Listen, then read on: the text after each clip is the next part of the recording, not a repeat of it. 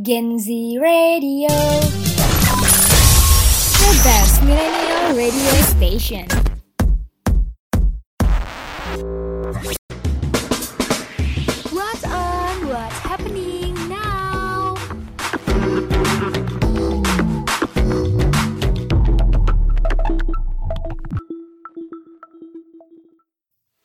105,6 FM Gen Z Radio, the best millennial radio station Siaran praktikum komunikasi Sekolah Vokasi IPB Apa kabar geng M semua? Di mana pun kalian berada Semoga tetap sehat dan setia ya. Kayak Nada sama Kumai yang tentunya selalu setia spesial Untuk nemenin geng M semua di sana ya Yap, jumpa lagi sama Nada dan Kumai masih di situasi new normal ya. Stay safe buat kalian yang beraktivitas di luar rumah ya. Jangan lupa pakai masker dan selalu sediain hand sanitizer buat diri sendiri.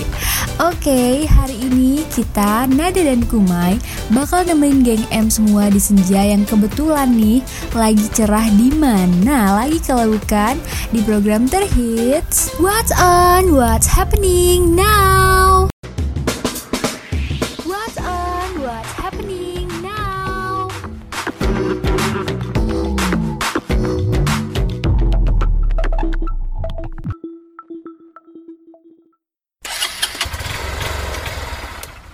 Kamu mau ke mana nak? Aku mau ke rumah temen bu sebentar Jangan lupa pakai helm. Gak usah bu, deket kok Tetap aja kamu harus mentaati peraturan dan menjaga keselamatan kamu selama di perjalanan. Gak apa-apa bu, di perjalanan gak ada polisi kok Aku pergi dulu ya bu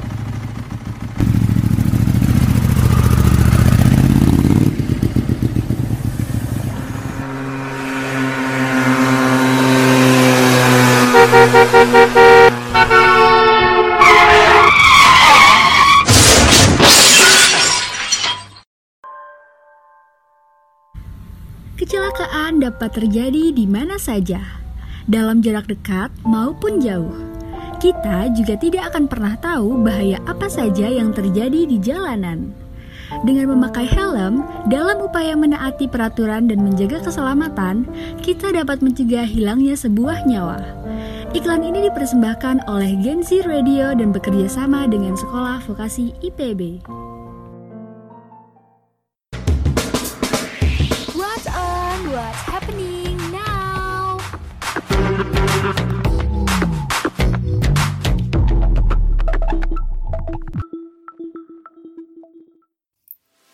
di 105,6 FM, siaran praktikum komunikasi Sekolah Vokasi IPB.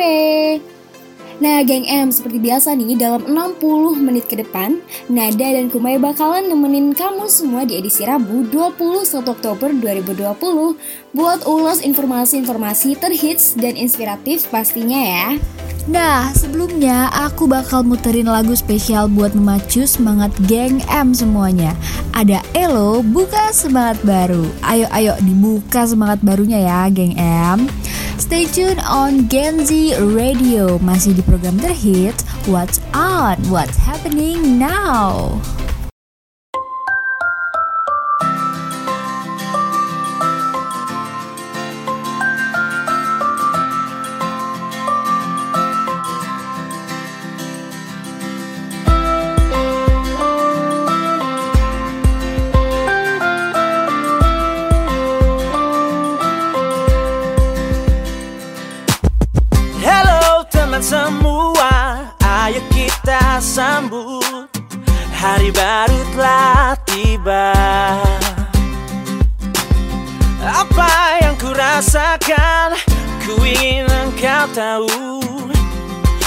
Berbagi bersama.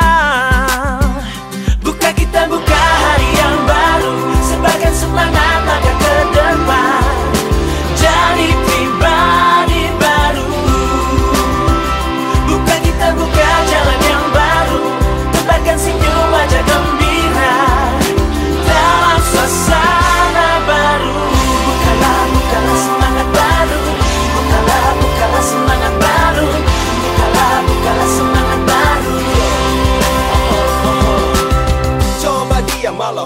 sejenak Dengarkan kata dari segala yang ku ucap Menjelang pagi ini nikmati damai di hati. Dalam waktu penuh arti karena aku dicintai. Ku ingat kemarin suasana tak bersemangat. Namun kini ku jalani dan semua rasanya tepat. Bersama kita coba wujudkan harapan. Membuka jalan dalam gapai setiap tujuan Mentari bersinar selalu.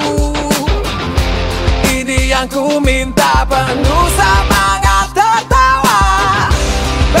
Bersamamu teman semua. Karena ini saatnya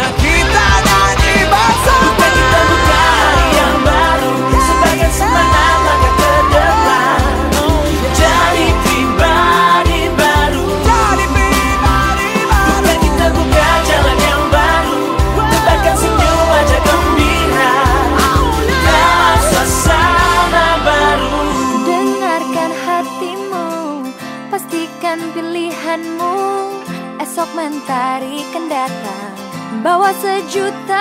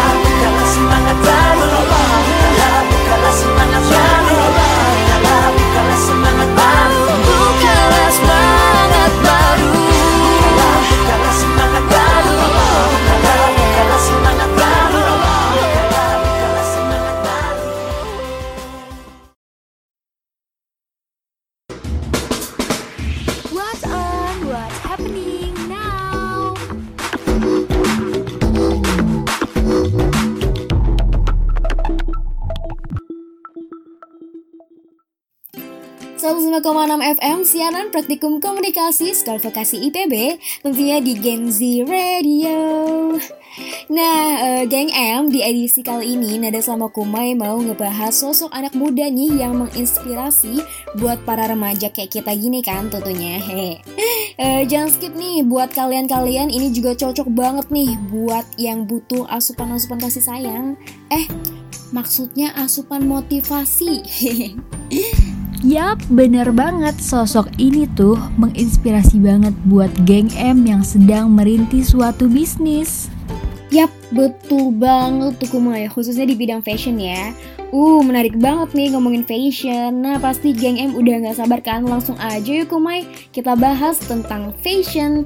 Nah, eh, sebagian dari geng M di sana pasti udah gak asing lagi dong sama brand fashion lokal Men's Republic. Pemilik dari brand lokal itu adalah Yasa Singgi. Nah, Yasa Singgi ini memulai bisnis fashionnya itu sebelum ia menginjak usia 19 tahun. Wah, keren banget ya, geng M. Pastinya dong, Eh, tapi meskipun begitu nih, geng M, Yasa Singgi juga punya cerita kegagalan tersendiri nih di balik usahanya itu loh. Yasa Singgi pernah ngalamin kerugian ratusan juta rupiah karena nih pada saat itu usahanya belum berjalan dengan baik ya, geng M.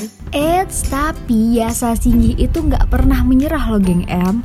Di usia yang muda, dia berusaha keras untuk memajukan bisnisnya. Tentunya motivasi yang kuat juga jadi landasan dia untuk sukses. Jadi, istilah usaha tidak pernah mengkhianati hasil itu bener loh geng M. Terbukti, Yasa Singgi berhasil memajukan bisnis fashionnya itu berkat usaha dan semangatnya nih. Keren banget ya geng M. Nada kasih tahu nih. Dan yang lebih kerennya lagi, Yasa Singgi berhasil masuk ke dalam predikat The Young Forbes 30 under 30 Asia di majalah Forbes loh geng M. Wow, luar biasa banget ya. Perjuangan dan semangat Yasa Singgi bisa banget nih kita jadiin contoh, khususnya bagi kamu generasi muda. Dari sini nih kita tahu ya kalau kita semua bisa kok sukses kayak Singgi asalkan nih geng M kita mau berusaha dan mau berjuang. Para geng M makin terinspirasi nggak nih sama sosok yang udah kita bahas tadi? Pastinya pastinya menginspirasi banget ya geng M buat kaum ciwi-ciwi nih siapa sih yang gak mau sama Yasa Singgi? Kalau tadi cerita dari Yasa Singgi, ada lagi nih sosok yang juga menginspirasi kita khususnya anak muda. Para geng M harus banget tahu nih. Iya, para geng M harus banget tahu nih sosok Dea Valencia, pemilik brand fashion lokal khususnya di bidang busana batik. Niat awal Dia Valencia membuka fashion batik itu yakni ia ingin memperkenalkan batik ke kalangan remaja atau anak muda nih geng M.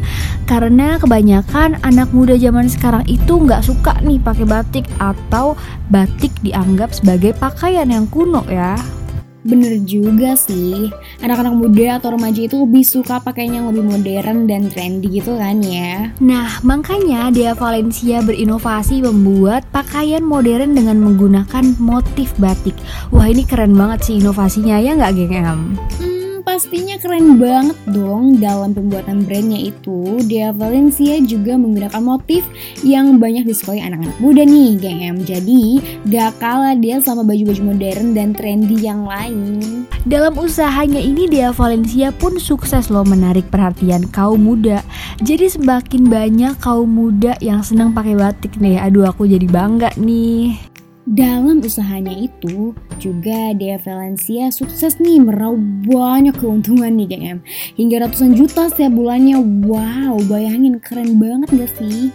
Bagi kamu yang penasaran gimana sih kerennya inovasi Dea Valencia, kamu bisa langsung cek ya di Instagramnya langsung di @batikkultur. Wah, bener-bener menginspirasi ya cerita kesuksesan dari Yasa Singgi dan juga Dea Valencia hari ini. Bener banget, semoga geng M yang di rumah semakin termotivasi juga ya Jadi sukses seperti mereka di usia muda Kebetulan kita lagi bahas bisnis, Nada mau kasih tahu tips nih, tips sukses memulai bisnis untuk anak-anak muda kayak kita gini geng M. Ayo ayo sini geng M mulai merapat ya kita dengerin tips bareng-bareng dari Nada Oke, tips yang pertama itu geng M harus tahu dulu nih usaha apa yang bisa geng M jalanin. Bisa dimulai dari sesuatu yang sederhana dulu. Oh kayak coba jualan makanan ringan dulu gitu kali ya Atau kaos-kaos sederhana Bener banget itu bisa juga kok atau geng M mau berinovasi nih buat kaos yang dicetak pakai motif batik.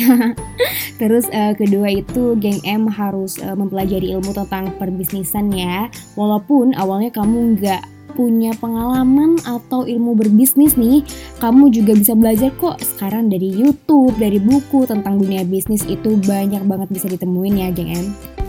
Iya tuh bener banget kata Nada Masih muda itu kita harus cari banyak-banyak informasi dan pengetahuan yang berguna Informasi itu juga kamu bisa dapetin di mana aja kok Terus tips selanjutnya apa tuh Nat? Next, selanjutnya kamu harus pinter nih memperluas jaringan bisnis kamu supaya makin banyak orang yang tahu bisnis apa yang lagi kamu buat sih. Terus nih fokus sama bisnis yang kamu jalanin. Jangan setengah-setengah dan semuanya itu harus total ya geng M. Yang paling penting itu kamu jangan takut buat gagal. Kegagalan itu hal biasa kok, itu tandanya kamu harus bisa belajar lebih banyak lagi, sekalian nambah pengalaman berbisnis kamu. Dan uh, yang terakhir itu kamu harus bisa mengelola keuangan kamu dengan baik tentunya ya, supaya bisnis kamu bisa terus berjalan lancar. Wah, tipsnya menarik banget nih geng M. Gimana nih? Makin pengen gak dibuat berusaha atau bikin usaha di usia muda? Yuk kita mulai belajar dari sekarang dan sukses di usia muda. Anyway nih, setelah kita bahas anak muda yang menginspirasi ya buat kita geng M, gimana? Itu udah cukup nambah asupan motivasi buat geng M gak di sana pastinya dong. Dan tips berbisnis barusan uh, selanjutnya nih kita bakalan puterin lagu yang asyik buat para geng M spesial.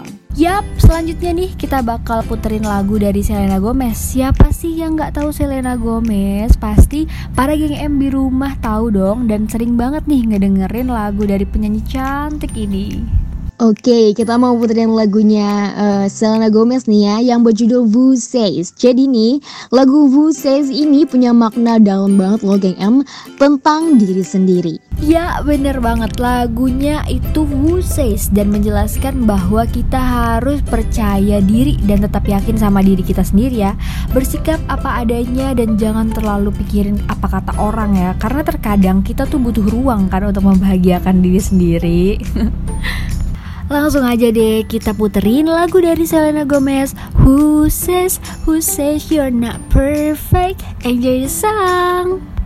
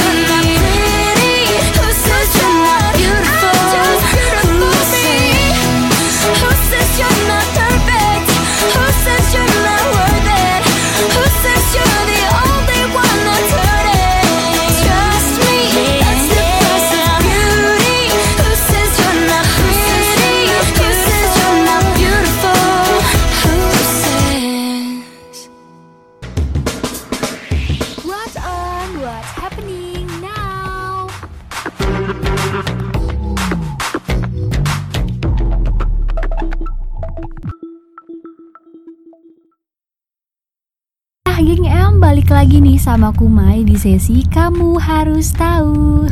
Masih di What's On, What's Happening Now. Ngomong-ngomong soal fashion geng M, pasti geng M udah gak asing banget ya sama yang istilahnya tuh fast fashion atau slow fashion. Dan ngobrol-ngobrol soal baju di geng M, pernah gak sih geng M tuh kepikiran kayak gimana sih bikin baju yang gue pakai ini atau gimana apa sih bahannya atau ini tuh produksinya gimana ya? Nah, aku bakal kasih tahu semuanya ya dan gak perlu lama-lama. Ayo kita ulas bareng-bareng nih geng M. Em, kita mulai dari fast fashion kali ya. Jadi fast fashion ini adalah istilah yang biasa dipakai di industri tekstil gitu ya. Dan di mana orang itu biasa mengenal dengan istilah baju musiman dan berbagai model yang biasanya menggunakan kualitas buruk. Wadidaw. Jadi baju-baju ini banyak banget yang modelnya itu uh, variasi variatif ya. Dalam waktu singkat bisa ganti-ganti model gitu geng M. Tapi ya biasanya pemakaian itu nggak tahan lama atau gampang rusak juga. Dan biasanya produksi ini diproduksi uh, produk uh, baju ini diproduksi musiman nih geng M. Hmm, sekitar empat bulan sekali itu bakal ganti model lagi. Jadi tiap musim tiap musim tuh bakal ganti geng M dan tahu nggak sih geng M, kalau ada isu menarik sekaligus harus kamu berpikir lagi ya kalau misalnya punya koleksi baju dari fast fashion ini. Apa sih kak Kumai? Jadi produksi fast fashion ini dituntut buat bisa bikin baju dengan jumlah banyak dan juga berbagai model.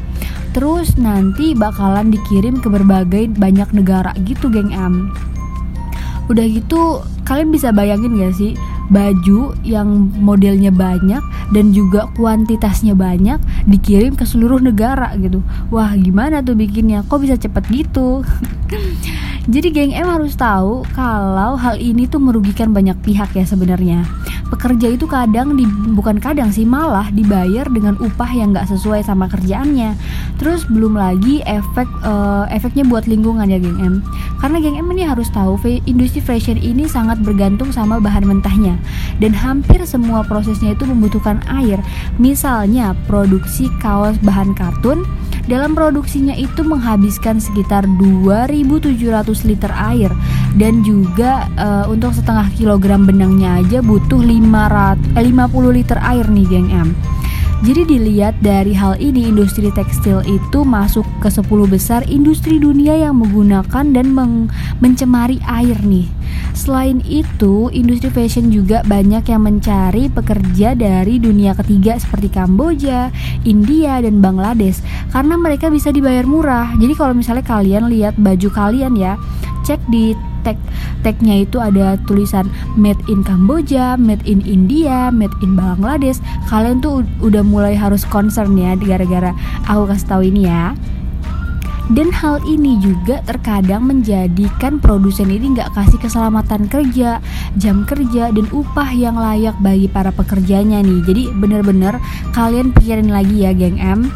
Dan efeknya itu luar biasa loh geng M karena rasanya itu jadi hal yang sangat gak seimbang dibanding dengan pakaian yang dibeli.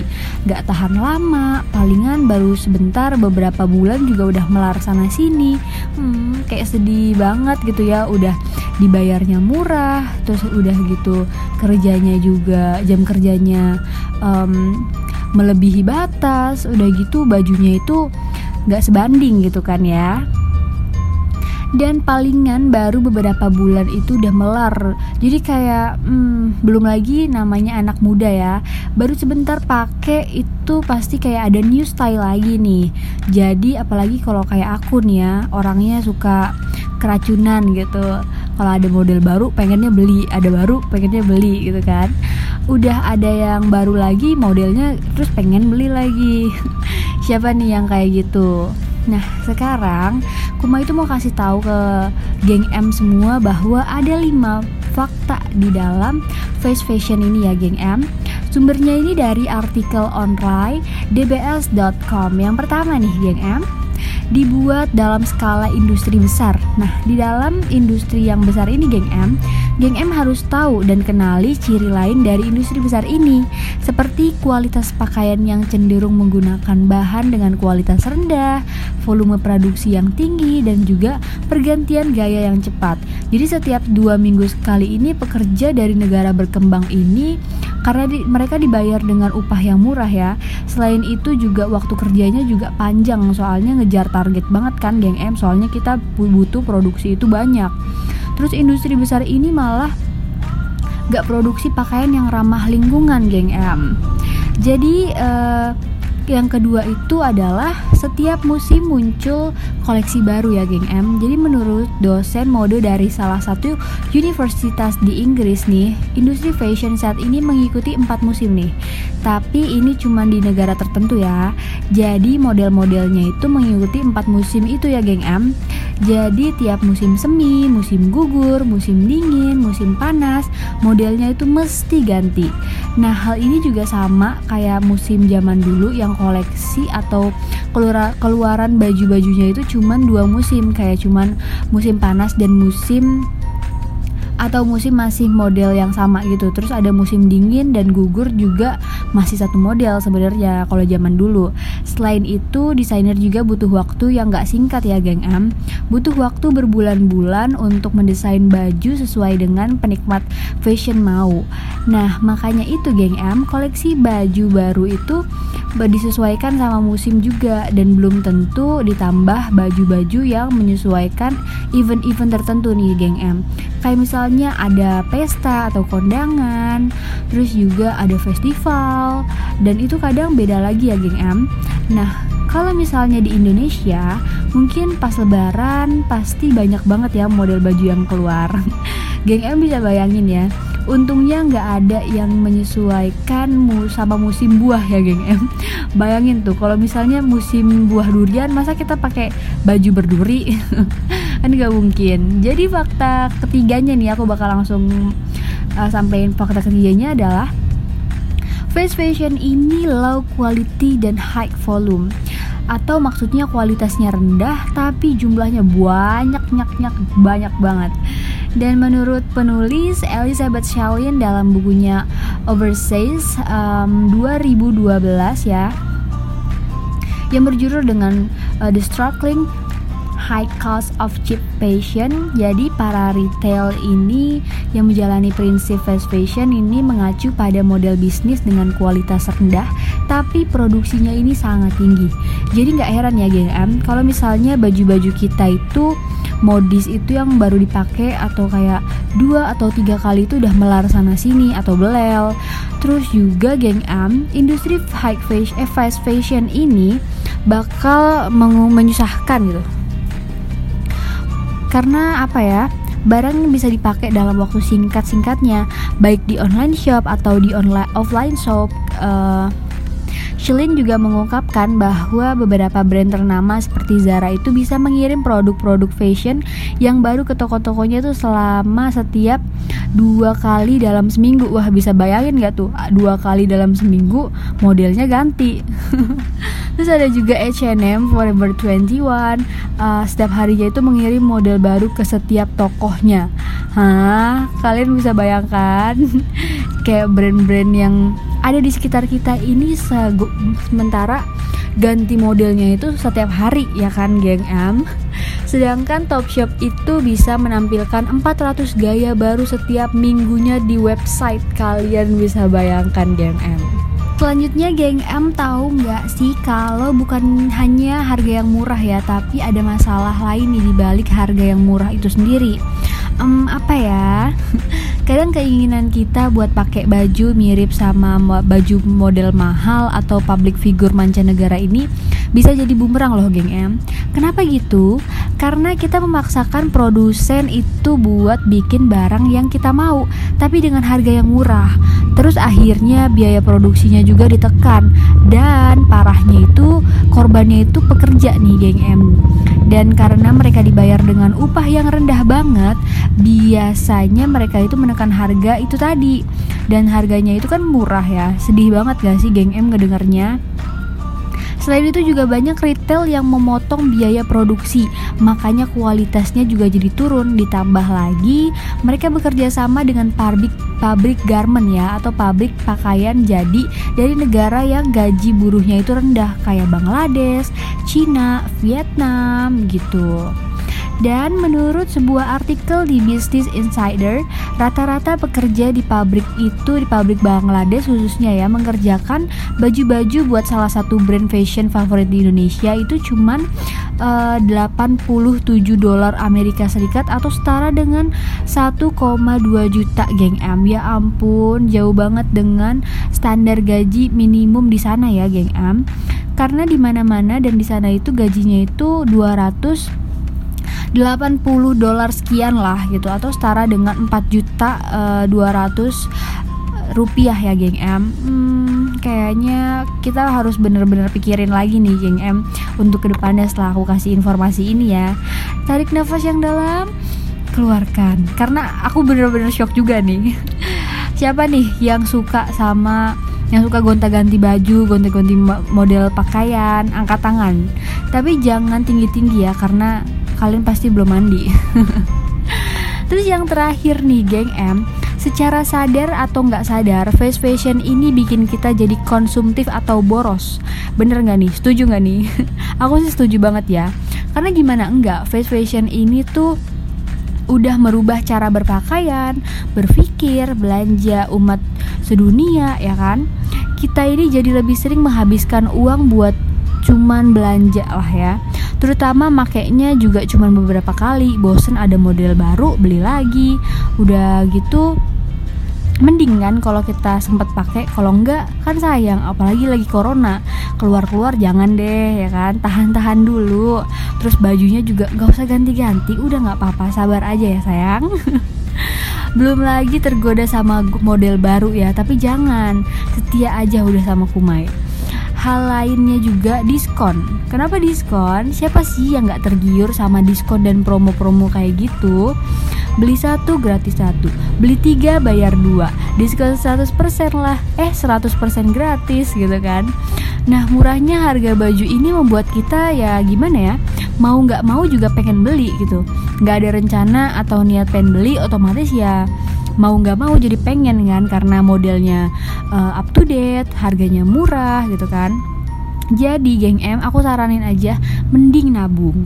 Karena nabung itu penting buat masa depan ya. Kalau makan kan kenyang Atau kalau misalnya ada kebutuhan mendesak juga bisa tuh dipakai uangnya. Nanti kan balik lagi ya geng M.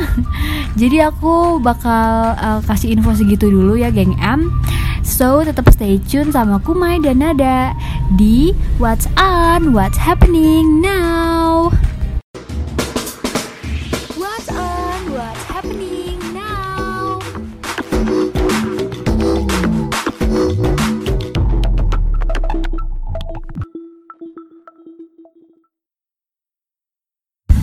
...105,6 FM siaran praktikum komunikasi sekolah vokasi IPB Ganzi Radio. Kok kamu lemes banget sih suaranya Kumai? Kita tuh harus semangat dong supaya nih geng M yang denger juga ikut semangat. Aduh, pagi-pagi gini aku tuh malah ngantuk. Padahal kan masih siaran. Kalau sampai tidur beneran bahaya nih Nat. Aduh. Oh, kamu ngantuk. Tenang, tenang aja. Soalnya aku punya solusinya nih buat kamu yang lagi ngantuk pas jam siaran kayak gini. Apa tuh Nat? Nih permen kopi kami. Permen yang dibuat dari biji kopi pilihan dan pastinya nggak bikin kamu ngantuk lagi. Aku cobain ya. Iya, gampang banget kok. Tinggal buka bungkusnya, terus kamu makan deh. Gimana kumai rasanya? Enak kan? Hmm, rasanya enak. Terus kerasa banget lagi kopinya. Jadi semangat deh siarannya. Makasih ya Nat.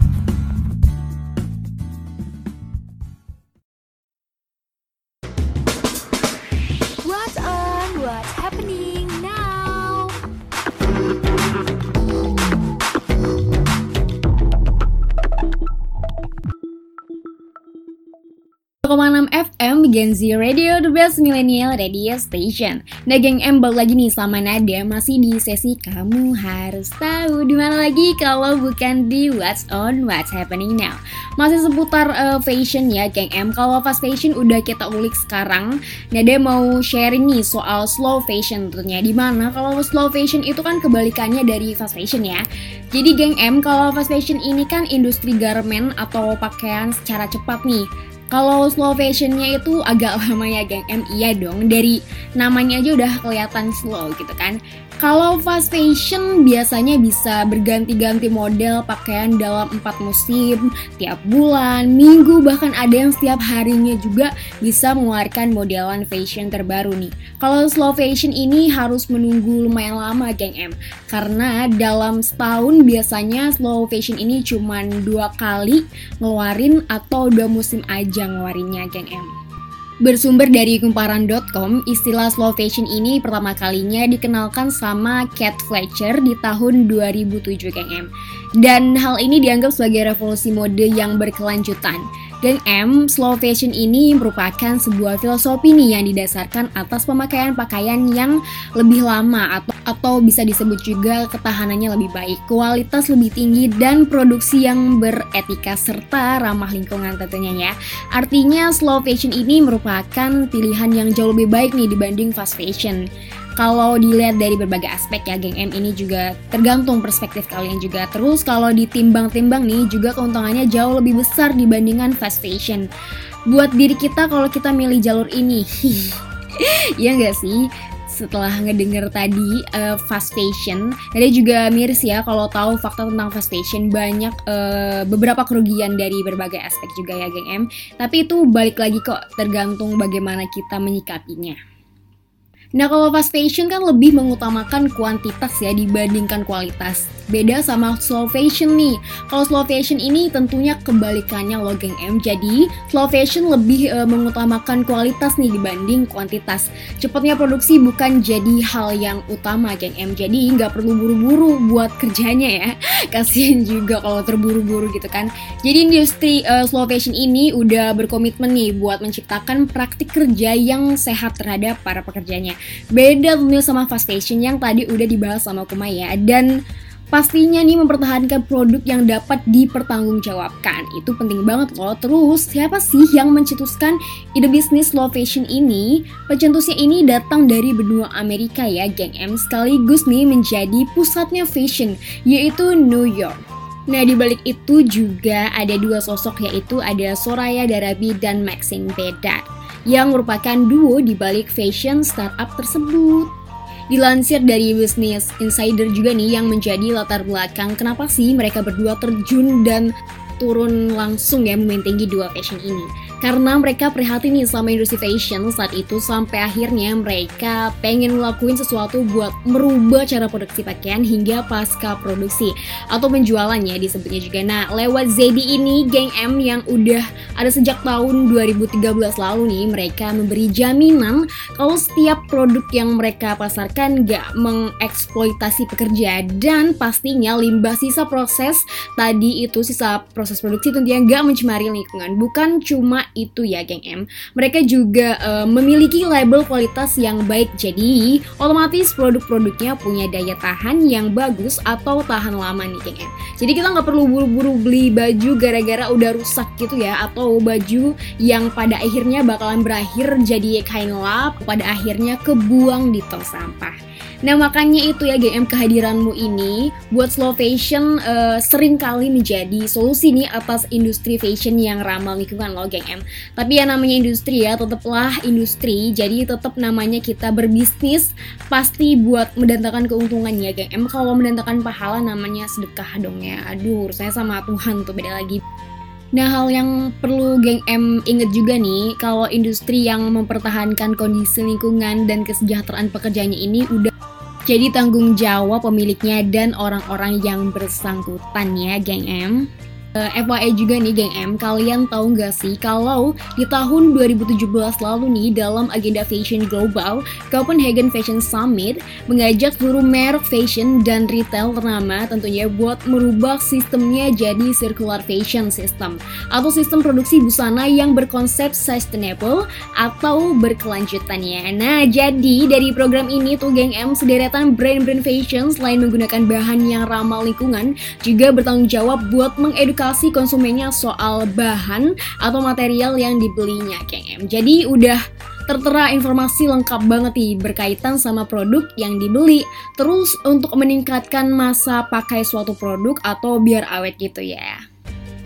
Nah semuanya udah disediain lengkap ya geng M Jadi baju-baju atau produk yang lainnya yang kita beli itu bakalan awet dan gak kebuang sia-sia Atau juga gak akan mencemari lingkungan gitu geng M Nah dari tiga tahun yang lalu juga nih udah ada 64 brand yang udah join sama program 2020 Circular Fashion System atau sistem produksi busana yang berkonsep sustainable ya atau berkelanjutan.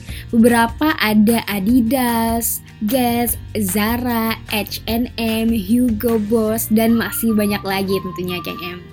Gimana setelah tahu nih perbedaan fast fashion sama slow fashion, geng M tim mana nih kira-kira?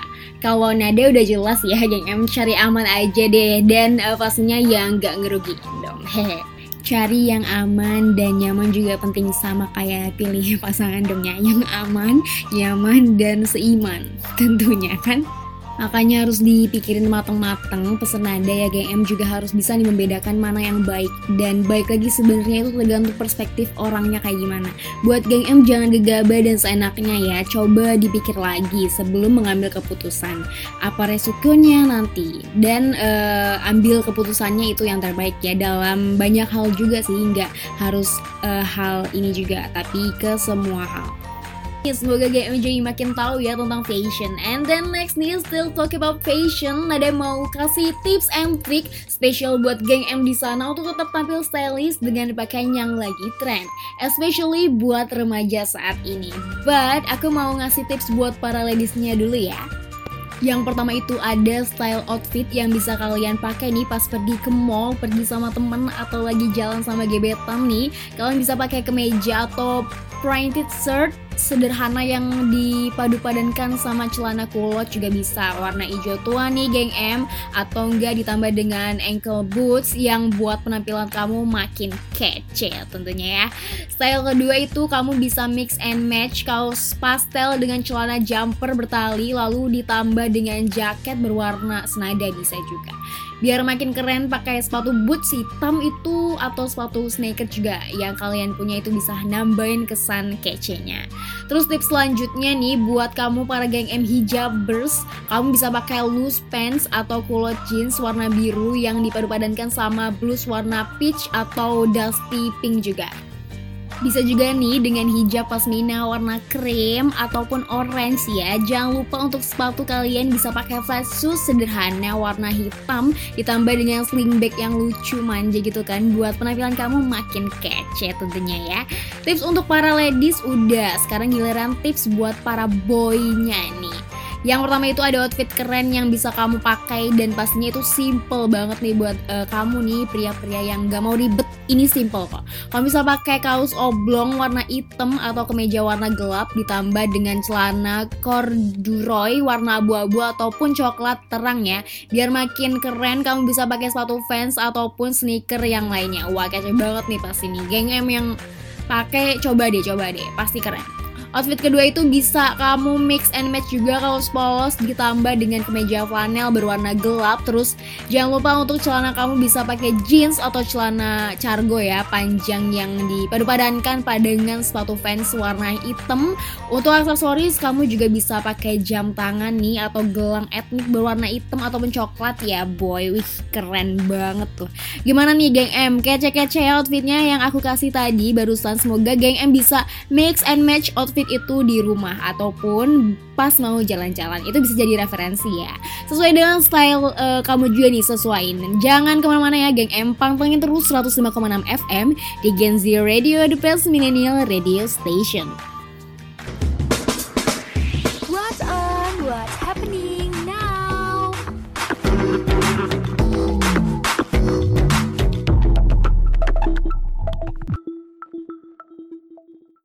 105,6 FM siaran praktikum komunikasi sekolah vokasi IPB Gen Z Radio. Masih sama Kumai sama Nada ya geng M dalam What's On? What's Happening Now? Aduh udah mulai bosen gak sih geng M sama situasi ini? Di rumah terus, gak ke mana-mana, harus ngikutin peraturan ini itu. Makanya sebenarnya itu diri ini butuh yang namanya refreshing banget nget nget. Setuju ya sama Kumai? ya walaupun nggak semuanya setuju sih, tapi kebanyakan dari kita banyak yang masih di rumah aja ya. Belum bisa jalan dan beraktivitas kayak biasanya nih. Belum bisa keluar ruangan atau keluar rumah, apalagi jalan sama doi atau sama mantan bahkan ya. Jangan ya buat geng M yang udah punya pacar, jangan tambah-tambah lagi gebetan atau cem-ceman. Apalagi jalan sama mantan. Aduh, hmm. Jangan sampai deh, kalau udah satu, mah satu aja. Cukup kan gak habis-habis sampai lebaran. Nah, Kumai mau ngajakin geng M nih buat berlibur ya. Tapi nanti, nanti bakal jalan-jalan bareng. Tapi bohong. Eits jangan kecewa gitu dong. Nanti realnya pas udah nggak corona ya Udah nggak ada coronanya Udah hilang coronanya Baru kita jalan-jalan. Iya boleh deh ke mana aja Terserah kalian. Asal sabar dulu ya geng M.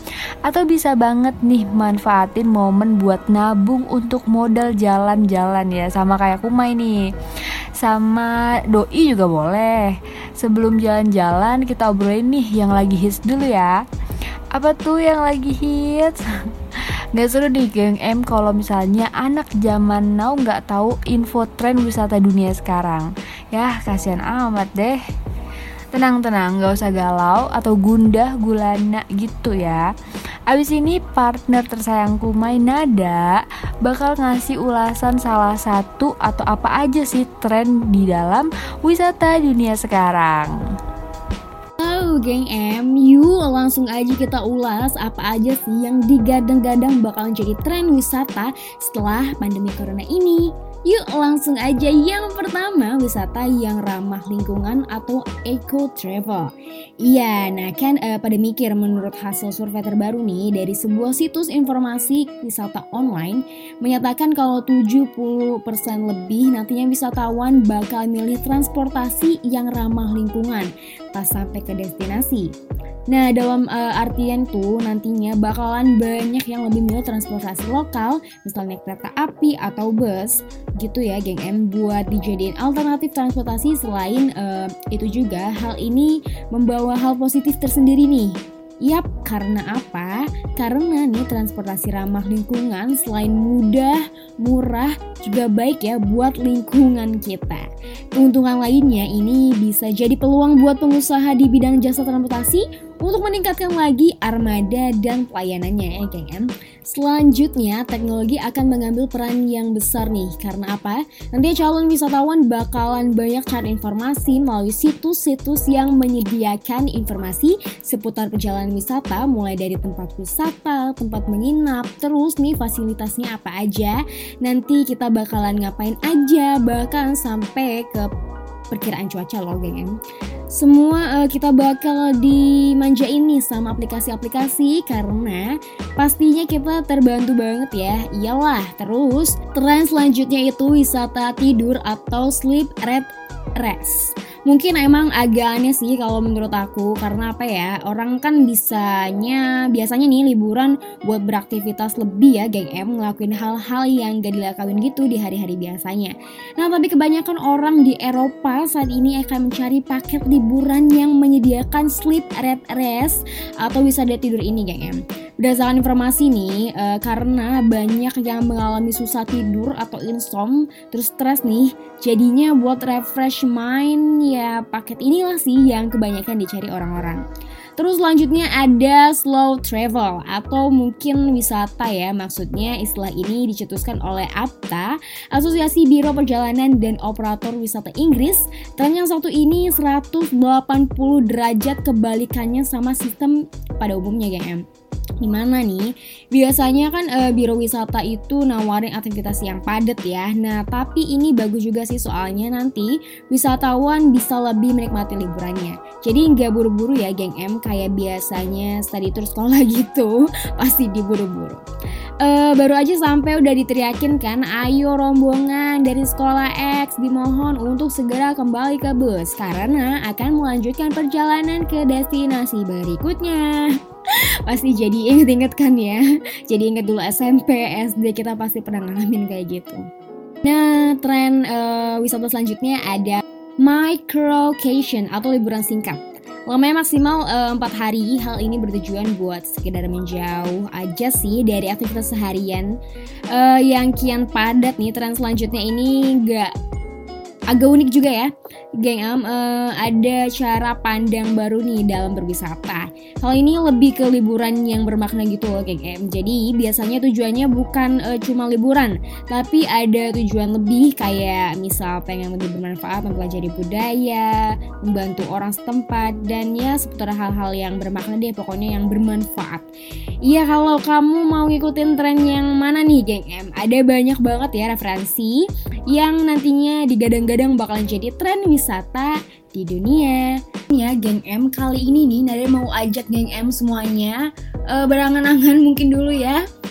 Jalan-jalan ke tempat uh, tempat hits tentunya yang ada di salah satu kota di Jawa Timur nih. Penasaran gak sih kita mau ke mana? Mau pergi ke mana nih? Tapi abis corona ya, inget. Nah ini juga bisa jadi list atau referensi dulu nih buat kalian. Uh, kita daftarin dulu aja, kita lihat dulu aja nih di mana aja tempat-tempat yang sekiranya nanti bisa jadi destinasi wisata kita yang nanti bakal kita datengin. Nah, uh, geng M ada mau ngajak uh, kalian nih keliling tempat hits uh, yang ada di Kota Batu, Jawa Timur. Hayu acus yuk sampai mau pergi sama Nada Tapi nanti habis corona ingat Nah mungkin ini juga bisa jadi list dulu aja Tempat uh, referensi yang mungkin nanti sekiranya bisa uh, geng M datengin dan Nada datengin juga ya dan ada mau ngajakin geng M nih keliling tempat uh, hits tentunya yang ada di Kota Batu, Jawa Timur. Um, sekedar informasi aja nih ya, ibaratkan kalau Malang itu uh, Bandung, nah Batu itu Lembangnya. Jadi, kalau aku bunga, ya kamu kembangnya dong. Apaan sih Nat? Ya udah skip aja kali ya. Yuk langsung aja cheers kita ngobrolin hits dulu ya bersumber dari terbizila.id nih. Pertama ada Coban Talun caption awal buat tempat ini awas dibikinin betah nih lebih dari dipeluk sama doi ya tentunya waduh di sini banyak banget spot uh, foto yang gak bakal ada di tempat lain deh pokoknya jadi cocok banget nih buat geng M geng M semuanya nih anak-anak hits instagramable bisa banget ke sini bisa cus hayu nanti ya eh, buat menuhin feeds IG kan lumayan gitu kan. Pakai foto-foto kamu hasil jepretan di tempat ini. Dan for information juga nih tiket masuknya cukup terjangkau loh geng M. Jadi kayak only 10k gitu cuma modal eh, ceban aja nih kamu udah bisa nikmatin pemandangan yang tak ternilai harganya. Waduh, tak ternilai harganya which is karena itu kan eh, ciptaan Tuhan ya. Emang ciptaan Tuhan teh bikin aduh gitu ya luar biasa sekali indahnya ya geng M. Bukannya nih, bukannya mulai dari jam 7 pagi sampai 5 sore ya geng semua. Dan lanjut nih ke tempat hits lainnya yang sering banget jadi sasaran eh, wisatawan milenial para remaja. Buat yang tetap mau di daerah tapi nggak mau mati gaya, tenang ke Paralayang. Nah, jadi uh, Paralayang ini area solusinya bisa. Jadi solusi kalian juga ya. Kalau nggak percaya, sok aja cek aja di IG-nya langsung ya. Tempatnya keren banget loh, geng M. Dan yang penting nih, tarifnya only 5000 aja. Goceng bayangkan. Dengan goceng kita udah bisa uh, nikmati pemandangannya indah. Dan bukanya juga ternyata 24 jam loh geng M. Kalau main para layang boleh. Ya tapi gitu ya geng M Ongkosnya juga lumayan. Tapi kalau mau naik para layang ya ongkosnya 350 ribu rupiah. Nah lo Oke oke next nih selanjutnya ada Omah Kayu Buat para geng M yang mau melihat pemandangan kota Batu nih di ketinggian dan berada di tengah-tengah hutan pinus, waduh bisa bayangin gak sih? Omah Kayu itu ini merupakan penginapan dengan konsep tree house ya geng M atau bisa disebut juga dengan uh, rumah pohon yang pastinya nih kalau geng M foto di situ bakal epic banget dong. Buat tarifnya goceng aja sama ya ce goceng aja nih geng M. Kamu bisa datang di jam 9 sampai uh, jam tutupnya ada di jam 5 sore ya geng M. Lanjut ke tempat hits berikutnya nih. Ada yang namanya Coban Putri. Jadi nih, geng M tempat ini masih baru dan asri ternyata. Nah, menggambarkan landscape batu gitu di memori. Ecie, memori apa nih? Ongkirnya cuma 5 sampai 10 ribu aja kok. Cus kirim diri kamu ke sini beserta kebahagiaan-kebahagiaan yang bakalan kamu dapetin. Aduh apa sih Nat kebahagiaan-kebahagiaan? Oke nih masih seputar uh, coba ini nih ada di coba ini ada namanya coban rais. Waduh, apa ya coban rais atau orang biasa nyebutnya The Lodge Maribaya Kota Batu nih. Gak kalah pokoknya sama yang di Bandung. Tiketnya masuknya cuma sekitar 7.500an aja kayaknya. Ya ampun murah bingo dong 7 ribuan doang. Next ada juga Gua Pinus Gunung, gunung banyak. Masih cocok buat kamu nih para Instagramable nih yang buat buat menuhin feeds IG dan banyak banget nih spot foto hits yang tak terhingga di sini. Waduh, sampai tak terhingga gitu ya. Tiketnya nih buat harga tiketnya cuma 5000 aja dan bukanya dari jam 7 pagi sampai jam 6 malam ya, geng M. Bentar nih, Nada mau tanya dulu, ada nggak dari geng M yang mau ketemu angsa raksasa? Angsa raksasa yang menge mengepakkan sayapnya Coba bayangin aja ya kalau kita foto di situ pakai ala-ala gaun terbang gitu kan. Waduh, udah aduh nggak kebayang deh. Estetik bingo gitu kan ya. Nah, di Batu juga punya taman langit nih, bak negeri dongeng nih.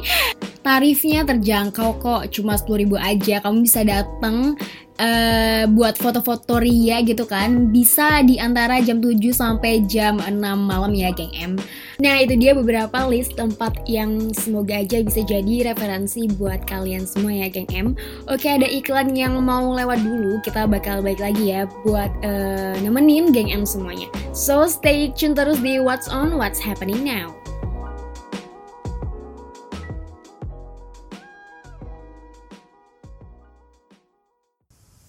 Hmm, udah mulai bosen nih. Tugas banyak gini, enaknya tuh ada yang nemenin.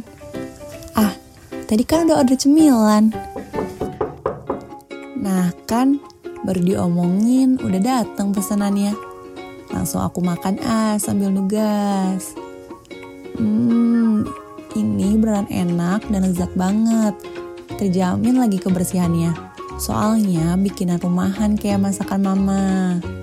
Aha, Cici Cireng Cihuy by Dea. Homemade, Zat dan higienis. Untuk order bisa langsung menghubungi 081572 104006. Rasakan bedanya. What's on? What's happening now?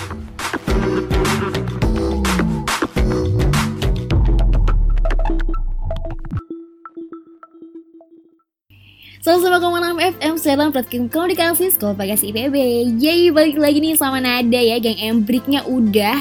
Dengerin lagunya juga udah. Tinggal makannya aja yang belum ya. Padahal lapar gak sih Geng M? Kok Nada berasa lapar banget ya? Ini bener aja ya udah mau jam makan malam. Ternyata nih geng M udah tahu kan apa aja yang hits dan inspiratif tadi yang udah Nada dan Kumai share ke kalian semua. Special buat geng M. Di mana lagi kalau bukan di What's On What's Happening Now Program terhits bersama kita pastinya. Bener gak Kumai? Ya, dari tadi kita udah bahas banyak hal yang menarik dan seru pastinya ya geng M. Gak berasa nih, udah 60 menit kita temenin geng M semua. Sekarang udah saatnya kita buat undur diri. Jadi maaf kalau misalnya ada salah-salah kata, salah-salah huruf dan angka. Jadi tetap tungguin terus kita di senja pukul 5 sore Selalu setiap hari buat nemenin geng M semuanya. Terakhir nih ada lagu dari Georgia Smith, Don't Watch Me Cry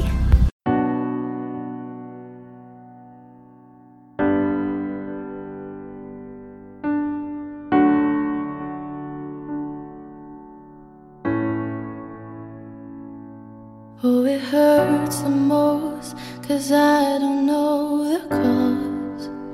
Maybe I shouldn't have cried when you left and told me not to wait.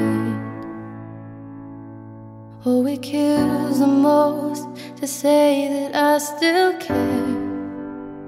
Now I'm left trying to rewind the times you held and kissed me there. I wonder if you're thinking, is she alright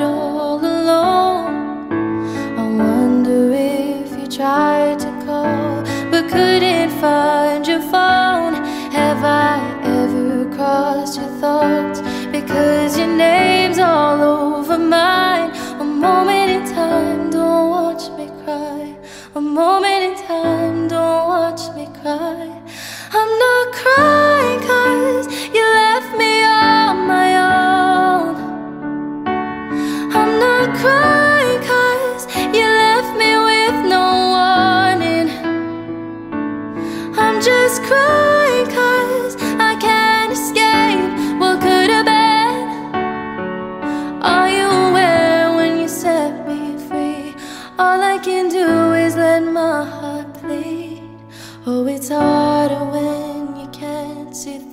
their thoughts.